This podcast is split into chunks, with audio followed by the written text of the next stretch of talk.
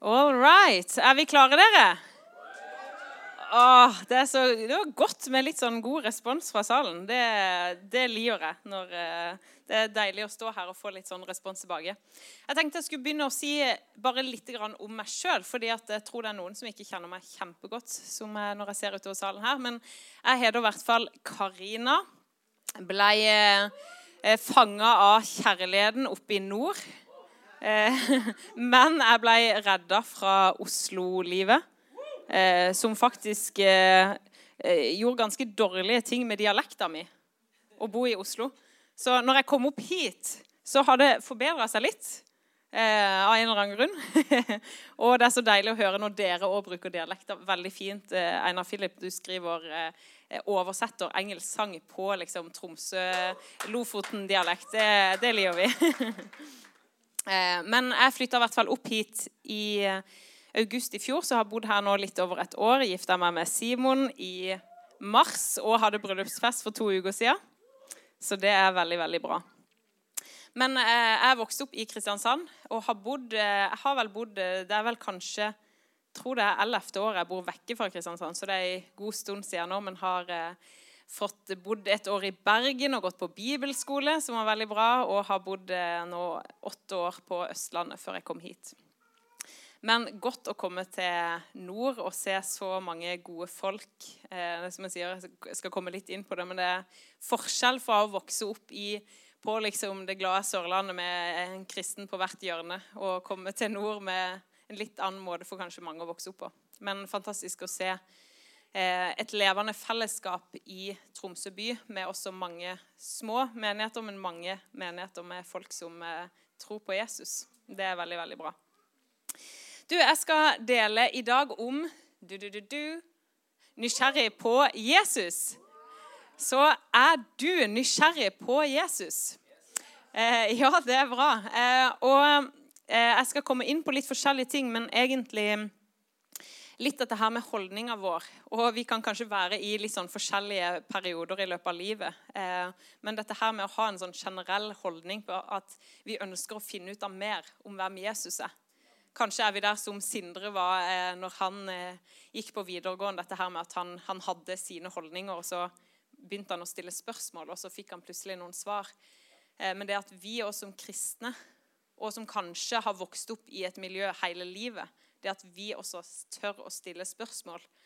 Eh, fordi at går vi bare og dilter eh, i en eller annen forsamling, eh, så kan vi få med oss mange ting, men så kan det også være mange ting som vi egentlig tar for gitt, eller som vi egentlig ikke har stilt spørsmål med.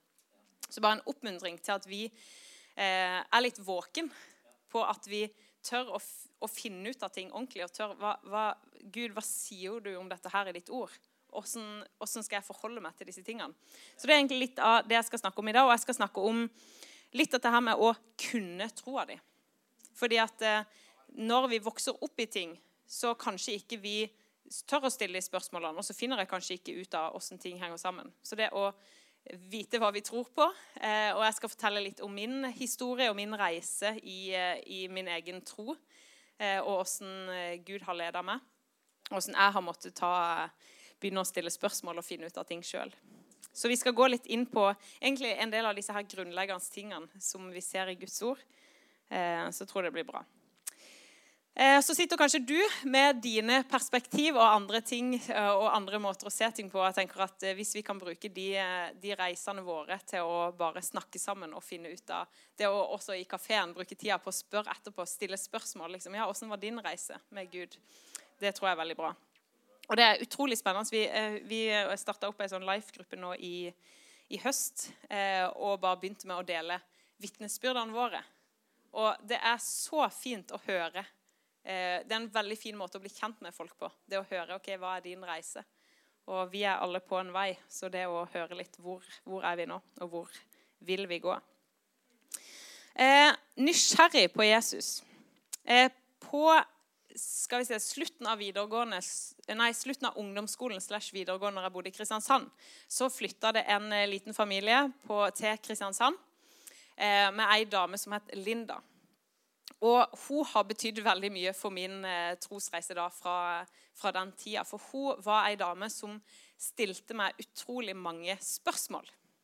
Eh, og hun var veldig, veldig enkel. Det var vanvittig enkle spørsmål. Det var bare som Hvordan går det med deg? Hvordan går det med troa di? Hva tenker du om dette? Og det gjorde noe med min holdning, for det, det gjorde at jeg var litt sånn eh, Ja, det å få det spørsmålet uke etter uke Ja, åssen går det med bibellesninga di? Åssen går det med de tingene? Det gjorde at jeg begynte å reflektere sjøl. Ja, åssen går det egentlig med livet mitt og med troa mi og med bibellesninga mi? Og det å få stilt de spørsmålene, ikke bare en gang i halvåret å ta en sånn refleksjon over livet ditt, men det å på en måte aktivt leve i ja, åssen går det med meg akkurat nå, det gjør noe med det. Og hun, eh, hun utfordra meg også flere ganger på det der å stille spørsmål ved ting. Eh, det å faktisk stille spørsmål ja, Hvorfor eh, ber vi for maten før vi spiser? Hvorfor gjør vi mange av disse tingene som vi egentlig bare går i og gjør hver eneste dag? Hvorfor gjør vi de tingene? Og det å faktisk tørre å sette noen spørsmål med ting vi holder på med, det tror jeg er veldig bra. Og så er det sånn, eh, Jeg jobber eh, som eh, lærer i andre klasse og har nå Ingrid som student hos meg. Det er veldig gøy. Vi var på bondegård på fredag og storkoste oss. Men i hvert fall jobber med små barn, og kanskje har du opplevd noen sånne små barn som er sånn 'Hvorfor gjør du det? Hvorfor gjør du det? Hvorfor gjør du sånn?' Som stiller spørsmål med absolutt alle ting. Og det kan være vanvittig slitsomt. Jeg tenker bare Herlighet, kan du slutte å spørre? Eh, det er bare sånn det er, må du ofte svare da. Men allikevel en sånn nysgjerrig holdning til livet. Og jeg tenker, Der har vi noe å lære av en sånn nysgjerrig holdning. Og så tenker jeg vi trenger ikke stille spørsmål med absolutt alt hele tida. Men i hvert fall en, noe som kan utfordre oss litt på å faktisk tørre å stille spørsmål med ting vi står i. Um, og ja. I dag så har jeg eh, lyst til å utfordre litt på dette her med å kunne troa vår og faktisk stille spørsmål. Og Paulus han var en mann som kunne troa si. Eh, og var veldig veldig engasjert i at folk skulle kjenne Jesus, og at de skulle vite eh, hva vi trodde på. Eh, og Paulus sjøl gikk jo en veldig spennende reise. For han gikk fra å være den som forfulgte de kristne, så han var en av de som gikk i bresjen. Han var nok en ganske sånn spiss mann, så når han sto for noe, så sto han for det 100 eh, Men han, eh, han, var med og forfulgte de kristne og drepte de kristne, for han ville ha de utrydda. Plutselig fram til han møtte Jesus og fikk livet sitt helt snudd opp ned. Og begynte da å følge etter Jesus og gjøre hans navn kjent. Eh, men eh, han sier Vi skal bare ta fram et, eh, et vers fra Romerne 1, 16-17. Eh, for der står det noe av den holdninga Paulus hadde til troa si. Og der står det For jeg skammer meg ikke over evangeliet. Det er Guds kraft til frelse for hver den som tror, jøde først og så greker. For i det åpenbares Guds rettferdighet av tro til tro, slik det står skrevet, den rettferdige skal leve ved tro. Så her er vi litt inne på det som Simon snakka om forrige uke, dette her med at vi er rettferdige ved tro. Men her ser vi måten Paulus skriver det på. Så sier han jeg skammer meg ikke over evangeliet. Det er Guds kraft til frelse. Og hvis du skammer deg over noe, eh, så er det kanskje noe du er litt sånn redd for å vise, eller du er litt sånn, du har egentlig ikke så veldig lyst til å snakke om det. Men kjenner vi da evangeliet godt nok kan vi faktisk det vi tror på. Sånn at vi tør å snakke om det. Jeg tenker stadig på det på jobb, selv om jobb det går i ett hele tida. Så tenker jeg på når får jeg mulighet til å snakke om troa mi? Vet folk egentlig hva jeg tror på? Nei, veldig mange vet ikke hva jeg tror på. Fordi mange er vokst opp i en tradisjon, og du har mange tanker om ting. Men du vet egentlig ikke hva evangeliet om Jesus er for noe. Og skal vi ikke skamme oss over evangeliet, så trenger vi å vite hva det er vi tror på. Eh, så eh, som det står, det er eh, Guds kraft til frelse for hver den som tror. Så vi trenger å få del i hva er denne Guds kraft til frelse. Jo, det er Jesus Kristus som døde og sto opp igjen. Så jeg drømmer om at vi frimodig kan få være folk som eh, ikke skammer oss evangel over evangeliet, men at vi frimodig kan snakke om det til hverandre og også fortelle andre om det. Eh, og så tror jeg ikke at vi alle skal være sånn som hele tida går og eh, det eneste vi prater om, er om Jesus på jobben og sånt, men at vi er våken, og at vi tør å eh, At vi har den holdninga at, vi, at vi får vi en mulighet, så kaster vi oss utpå, og så tør vi å snakke om troa vår. Mm. Men eh, min historie eh, Jeg har vokst opp i en kristen familie. Jeg har vokst opp i en tradisjonell kirke i Kristiansand. Eh, hvor jeg ble døpt som liten. Eh, og var, hadde ganske sånne fulle uker i kirka. Det var liksom eh, pikeforening på mandag, det var speider på tirsdag, det var familiekor på onsdag, det var planleggingsmøte på torsdag, det var ungdomsgruppe på fredag og ungdomsopplegg på lørdag, og det var søndagsskole på søndag. Og fra jeg gikk i sjette klasse, så var jeg vel med som full eh, sånn, eh, søndagsskoleleder. Og elska å være i kirka.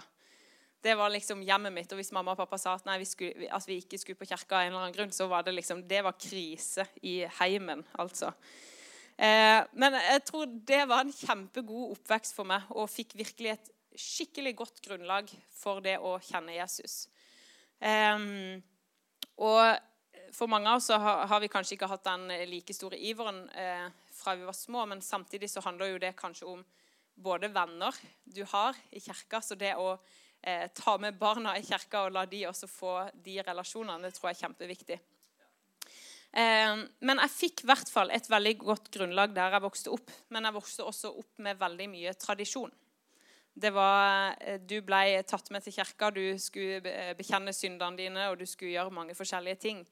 Og så etter hvert i seinere tid så oppdaga jeg at det var kanskje mange ting vi ikke snakka om i kirka. Det var kanskje ganske mange ting som står i Guds ord, som jeg egentlig ikke fikk høre om.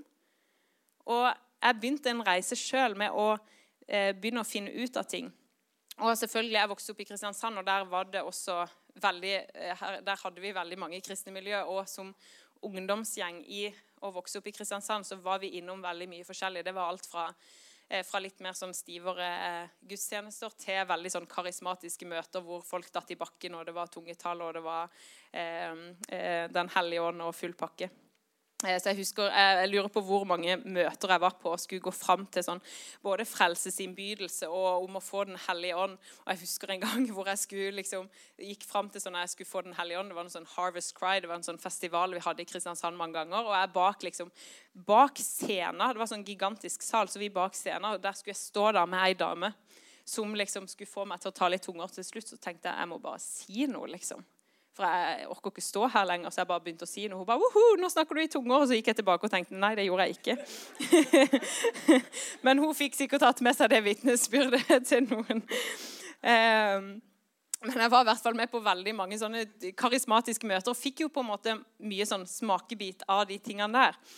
Eh, men også etter hvert så fikk jeg enda mer av denne undervisninga om omvendelse, om dåp i vann og om Den hellige ånd. Og det gjorde at det vekka en sånn nysgjerrighet i meg.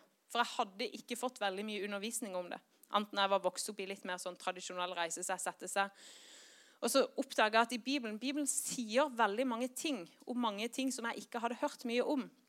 Og så husker jeg, Det som var kanskje mest spesielt, det var vi begynte med noen sånn hus, eh, husmenighetssamlinger i Kristiansand. Eh, hvor, eh hvor vi fikk høre litt mer forkynnelse om dette med med dåp i vann og Den hellige ånd. Eh, og da husker jeg at jeg, jeg, jeg, jeg tenkte spørsmålet bare Hvorfor har jeg ikke hørt om dette før? Hvorfor har jeg ikke hørt om denne grunnpakka som jeg trenger å stå på, grunnvollen jeg trenger å stå på for å bygge livet mitt videre? Eh, så jeg begynte å studere masse i Bibelen sjøl. Eh, og eh, jeg vokste jo opp i en familie med barndåp, og jeg skal ikke ha noe sånn barndåp, tronedåp-undervisning i dag, men jeg skal bare si litt av mine erfaringer. fordi at det, eh, det som jeg opplevde, var at jeg hadde en bror, og han var sånn, en gang han hørte om dette med dåp, så sa han For han hadde hatt han hadde hatt én ting som Gud hadde sagt til han. Det er én ting som du skal gjøre. Men han visste ikke hva det var for noe. Men når han fikk høre om dåp, så kjente han bare ja, det er det jeg skal gjøre. Og så fikk han døpt seg i badekaret hjemme i, i, huset vårt. Eh, og så eh, gikk det en tid, og så eh, døpte mamma og pappa seg også. Som var veldig tøft for meg. Fordi at det, det var jo de som hadde latt meg døpes som baby. Så det skjedde så mye inni meg. Jeg, sånn her, jeg, var, jeg husker jeg var på vei til eh, å skulle se at mamma og pappa ble døpt. Og jeg grein og grein og grein og grein og klarte ikke stoppe, men jeg skulle få det med meg. Så jeg satt i bilen, og mamma syntes det var så vanskelig. Hun bare satt der og kjørte og liksom begynte å grine sjøl. Hun tenkte hva er det jeg gjør for noe? Eh, men de gikk, og de ble døpt. Eh, eh, men det starta en prosess i meg hvor jeg begynte å lese masse i Bibelen sjøl. Hvor det ble, jeg, jeg tenkte at jeg kan ikke bare sitte og høre undervisningen, men jeg må finne ut av ting sjøl. Eh, fordi at det skal ikke bare være en tro som vi har fått eh, videre fra noen, men vi trenger å ta et aktivt valg sjøl. Eh, så det som skjedde da, var egentlig at i to år så var jeg både i kirka der som jeg hadde vokst opp. Der var mamma, de, mamma og pappa var slutta og var med i en sånn husmenighet. Eh, så i to år så gikk jeg der, og jeg satt på gudstjenesten hver søndag. Og jeg husker at jeg, det, det, ble mer og mer virkelig for meg. Jeg husker jeg satt på gudstjenesten og begynte å grine. Og jeg tenkte her er det så mange ting som jeg har begynt å se i Guds ord, som ikke kommer fram. Så jeg husker jeg satt søndag etter søndag og begynte å grine. og bare, Gud, det er noe de mangler her, husker jeg jeg tenkte. Um, selv om de hadde veldig mye godt, det skal jeg absolutt si. Uh, men i to år hvert fall, så begynte jeg å lese Guds ord. Jeg begynte å studere, og jeg hadde masse gode folk rundt meg som også eh, brukte masse tid i Guds ord, og som ville ha hele Guds ord. Så i to år så gikk jeg egentlig bare og eh, leste i Bibelen og fant ut at Gud, jeg trenger å ta Jeg trenger å døpe meg. Men så var det gått så lang tid. Jeg tenkte, hva har jeg å begrave? Jeg har jo levd som kristen hele livet. Hva trenger jeg å begrave? Eh, men eh, så gikk det litt tid, så tenkte jeg nei, jeg må bare få gjort det. Så jeg husker Etter to år så var, satt vi på en sånn eh, damesamling hjemme hos noen. Og jeg bare ja, jeg har tenkt litt på dette med dåp. Og da var det hun Linda som hadde vært god på å stille spørsmål. Hun bare ja, skal vi fylle opp badekaret? Jeg bare ja. Og så eh, ble jeg døpt. eh, og da gikk jeg vel i andre klasse på videregående. Eh, og det som skjedde da, det var ikke noe magisk superduper greier som skjedde. Men etter det så tok jeg noen valg sjøl. Og jeg merka det at etter, faktisk etter den dåpen så merka jeg at når jeg leste i Bibelen, så ble det levende på en helt annen måte. For jeg kunne lese i Bibelen, og så så jeg jeg er begravd med Kristus og oppreist til et nytt liv. Og Særlig de ordene der de ga så ny mening til meg. For jeg kunne stå og si at ja, jeg har tatt et valg om å følge Jesus. Jeg har begravd det gamle livet, og jeg har stått opp til et nytt liv sammen med Jesus. Og selv om jeg visste ja, jeg har kjent Jesus hele livet, fra, fra, fra så liten jeg kan huske, så visste jeg at samtidig så har jeg tatt et valg sjøl. Og det står jeg inne for. Eh, og jeg husker jeg har et sånn, eh, eh Det var faktisk den, en av de første gangene som jeg um, hørte om dette med dåp så eh, gikk jeg hjem og var frustrert. For jeg tenkte nei, men Gud, jeg, jeg, jeg, døpte meg jo som barn eller som baby. Jeg er jo døpt. Og så husker jeg gikk, gikk hjem og bare i frustrasjon den her slå opp i Bibelen. Gud, gi meg et ord. Har dere gjort det før? Ja. Eh, funker det? Det funka dritbra. Eh, skal vi se, for jeg slo opp i um, Jeg bare liksom Gud, gi meg noe. Og så gjorde jeg sånn. Jeg gjorde sånn. Og så leste jeg. Eh, hold fast ved den tro dere er opplært i, med overstrømmende takk til Gud. Og For meg så betydde det at ok, ja, jeg er barndøpt, det er greit, jeg trenger ikke gjøre noe mer. Dette er et vanvittig godt og dårlig eksempel på at det å slå opp i Bibelen og ta et ord ut av sammenhengen fungerer veldig dårlig. Eh, men det funka veldig bra for meg akkurat der og da. For det, som, det, det gjorde med meg, var at jeg fikk tid sjøl til å studere Guds ord uten at jeg måtte stresse. Fordi Hadde jeg bare liksom tenkt at ja, mamma og pappa har døpt seg, broren min døpte seg, jeg må også døpe meg, og hadde gjort det i nesten sånn frustrasjon, så hadde ikke jeg tatt egentlig det valget sjøl. Så det der med at du må ta den tida du trenger til å finne ut av ting. Eh, for eh, ingen andre kan ta det valget for deg. Eh, så hvis jeg hadde lest litt videre, så hadde jeg òg lest da, sånn fem vers videre, så står det For i dåpen ble dere også begravet med Han i den ble dere også oppreist med Han ved troen på Guds kraft, som reiste Kristus opp fra de døde. Og Det å være begravd med Kristus og oppreist til Han, det er kjempeviktig. Og det er ikke bare en setning du kan lese og så forstå det, men du trenger kanskje å tygge ganske mange ganger på det. Eh, og så eh, Ja, for eh, etter jeg døpte meg, og eh, så um, fikk jeg oppleve at Den hellige ånd leda meg når jeg leste Bibelen på en helt ny måte, som gjorde at ting ble mye mer personlig. Og det, veldig, det, er kanskje den mest spesielle opplevelsen jeg har hatt i etterkant. At bare det å lese Guds ord ble så mye mer virkelig for meg. En annen ting som var kjempe, kjempeviktig for meg i den tida, det var å være kobla på og planta i en menighet med søsken rundt meg. Eh, og det fikk jeg oppleve, at vi var virkelig en familie. Eh, og ikke bare familie i blod, men familie fordi at vi hadde gitt oss til Jesus.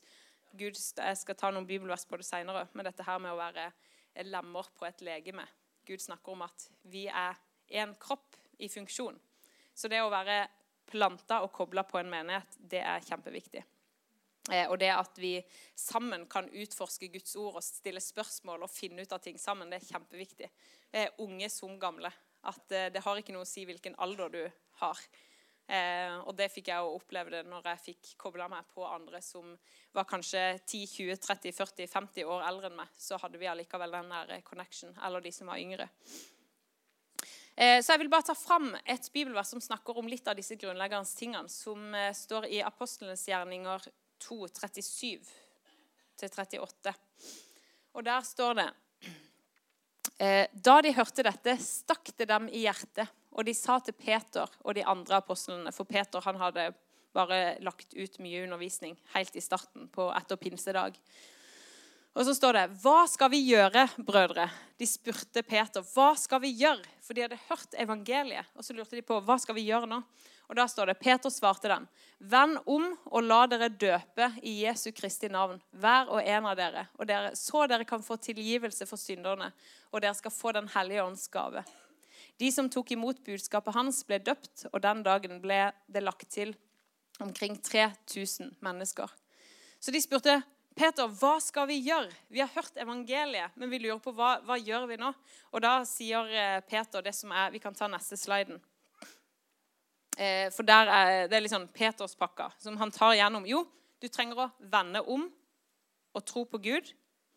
Du trenger å la deg døpe. Du trenger å få Den hellige ånd og du trenger å bli lagt til i menigheten. Eh, så her er det fire ganske sånne enkle steg, men allikevel kjempeviktig.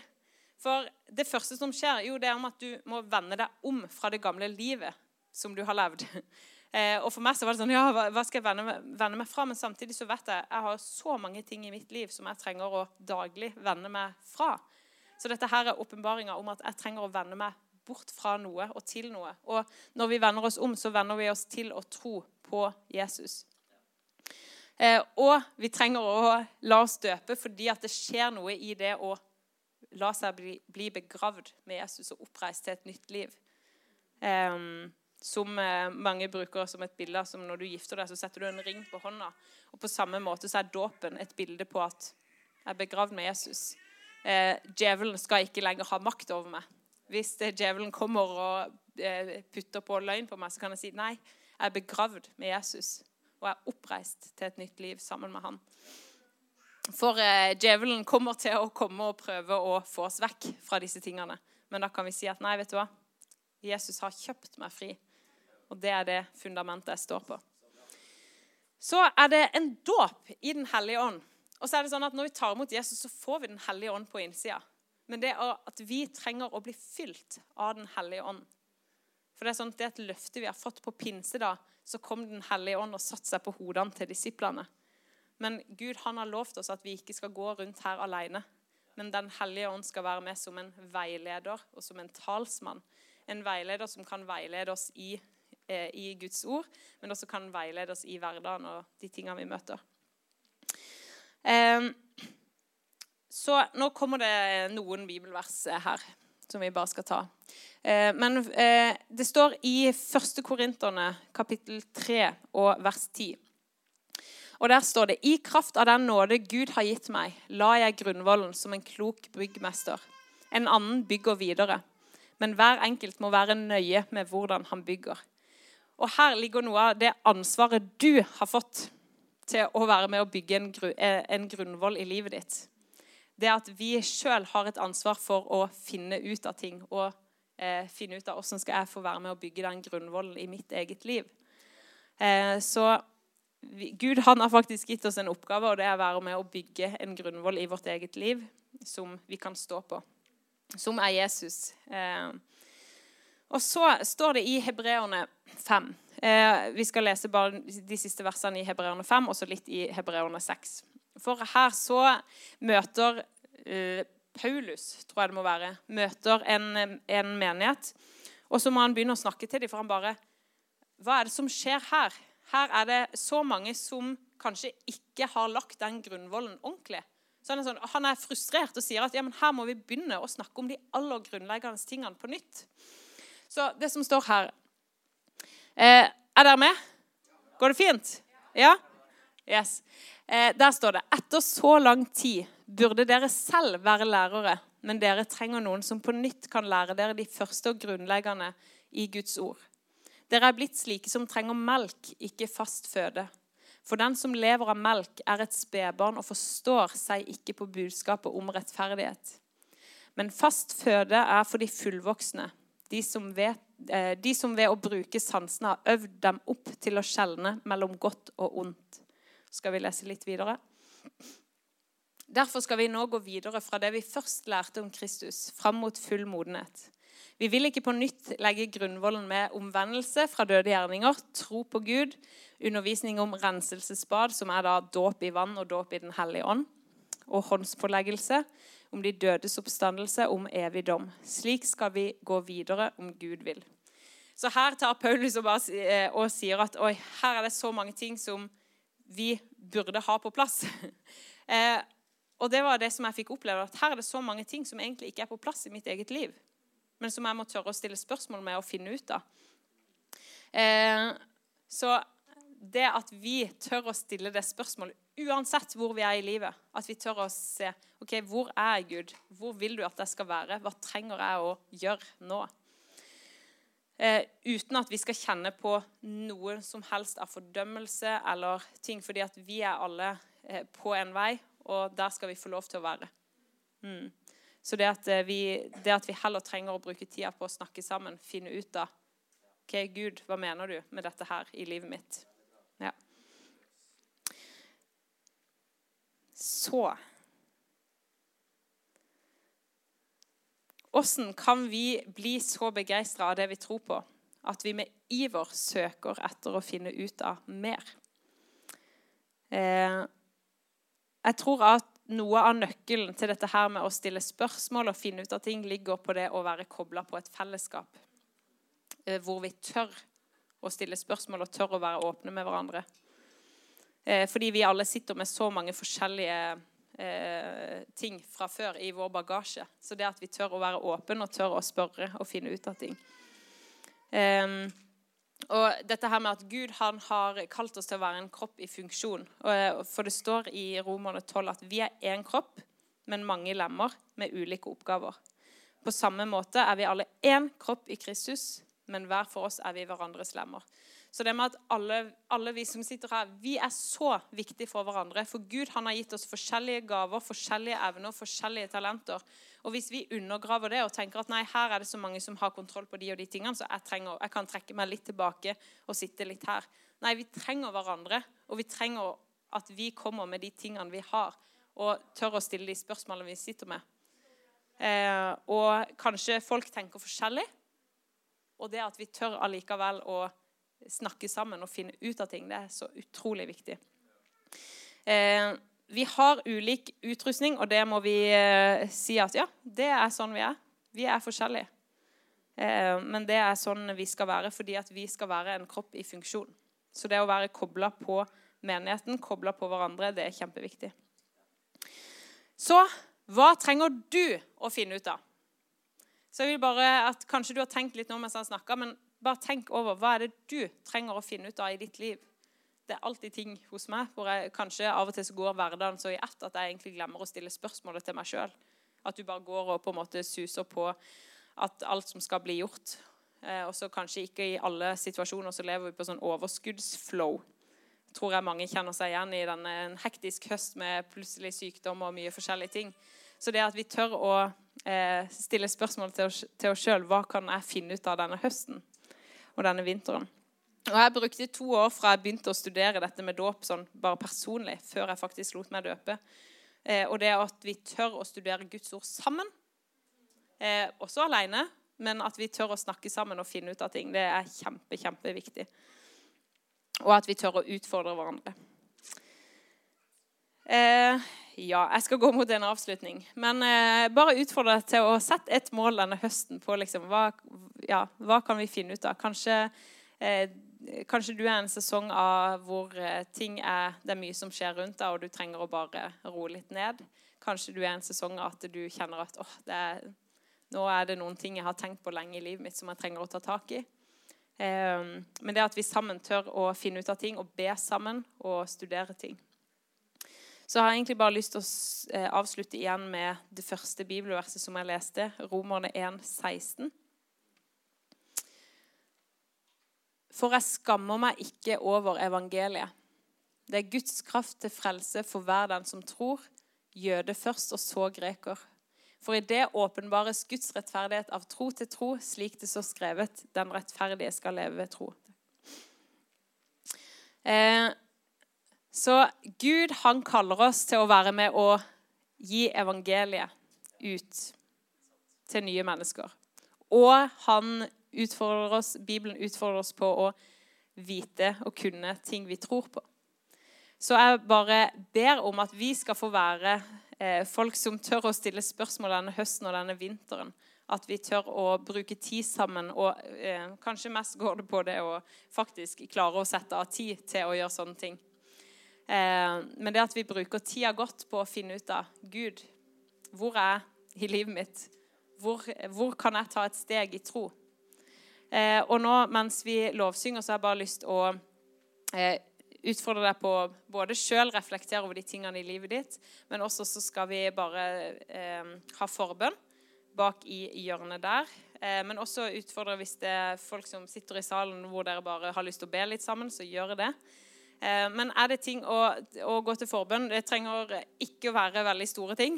Det kan være at du kjenner at du er utfordra av noen sånne ting i forhold til det å ta imot Jesus eller Den hellige ånd eller andre ting som du tenker på.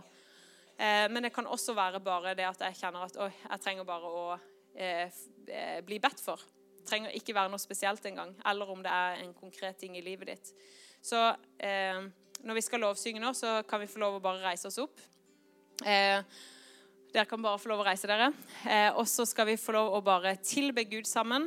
Eh, be for hverandre og bare kom til forbønn hvis du ønsker det.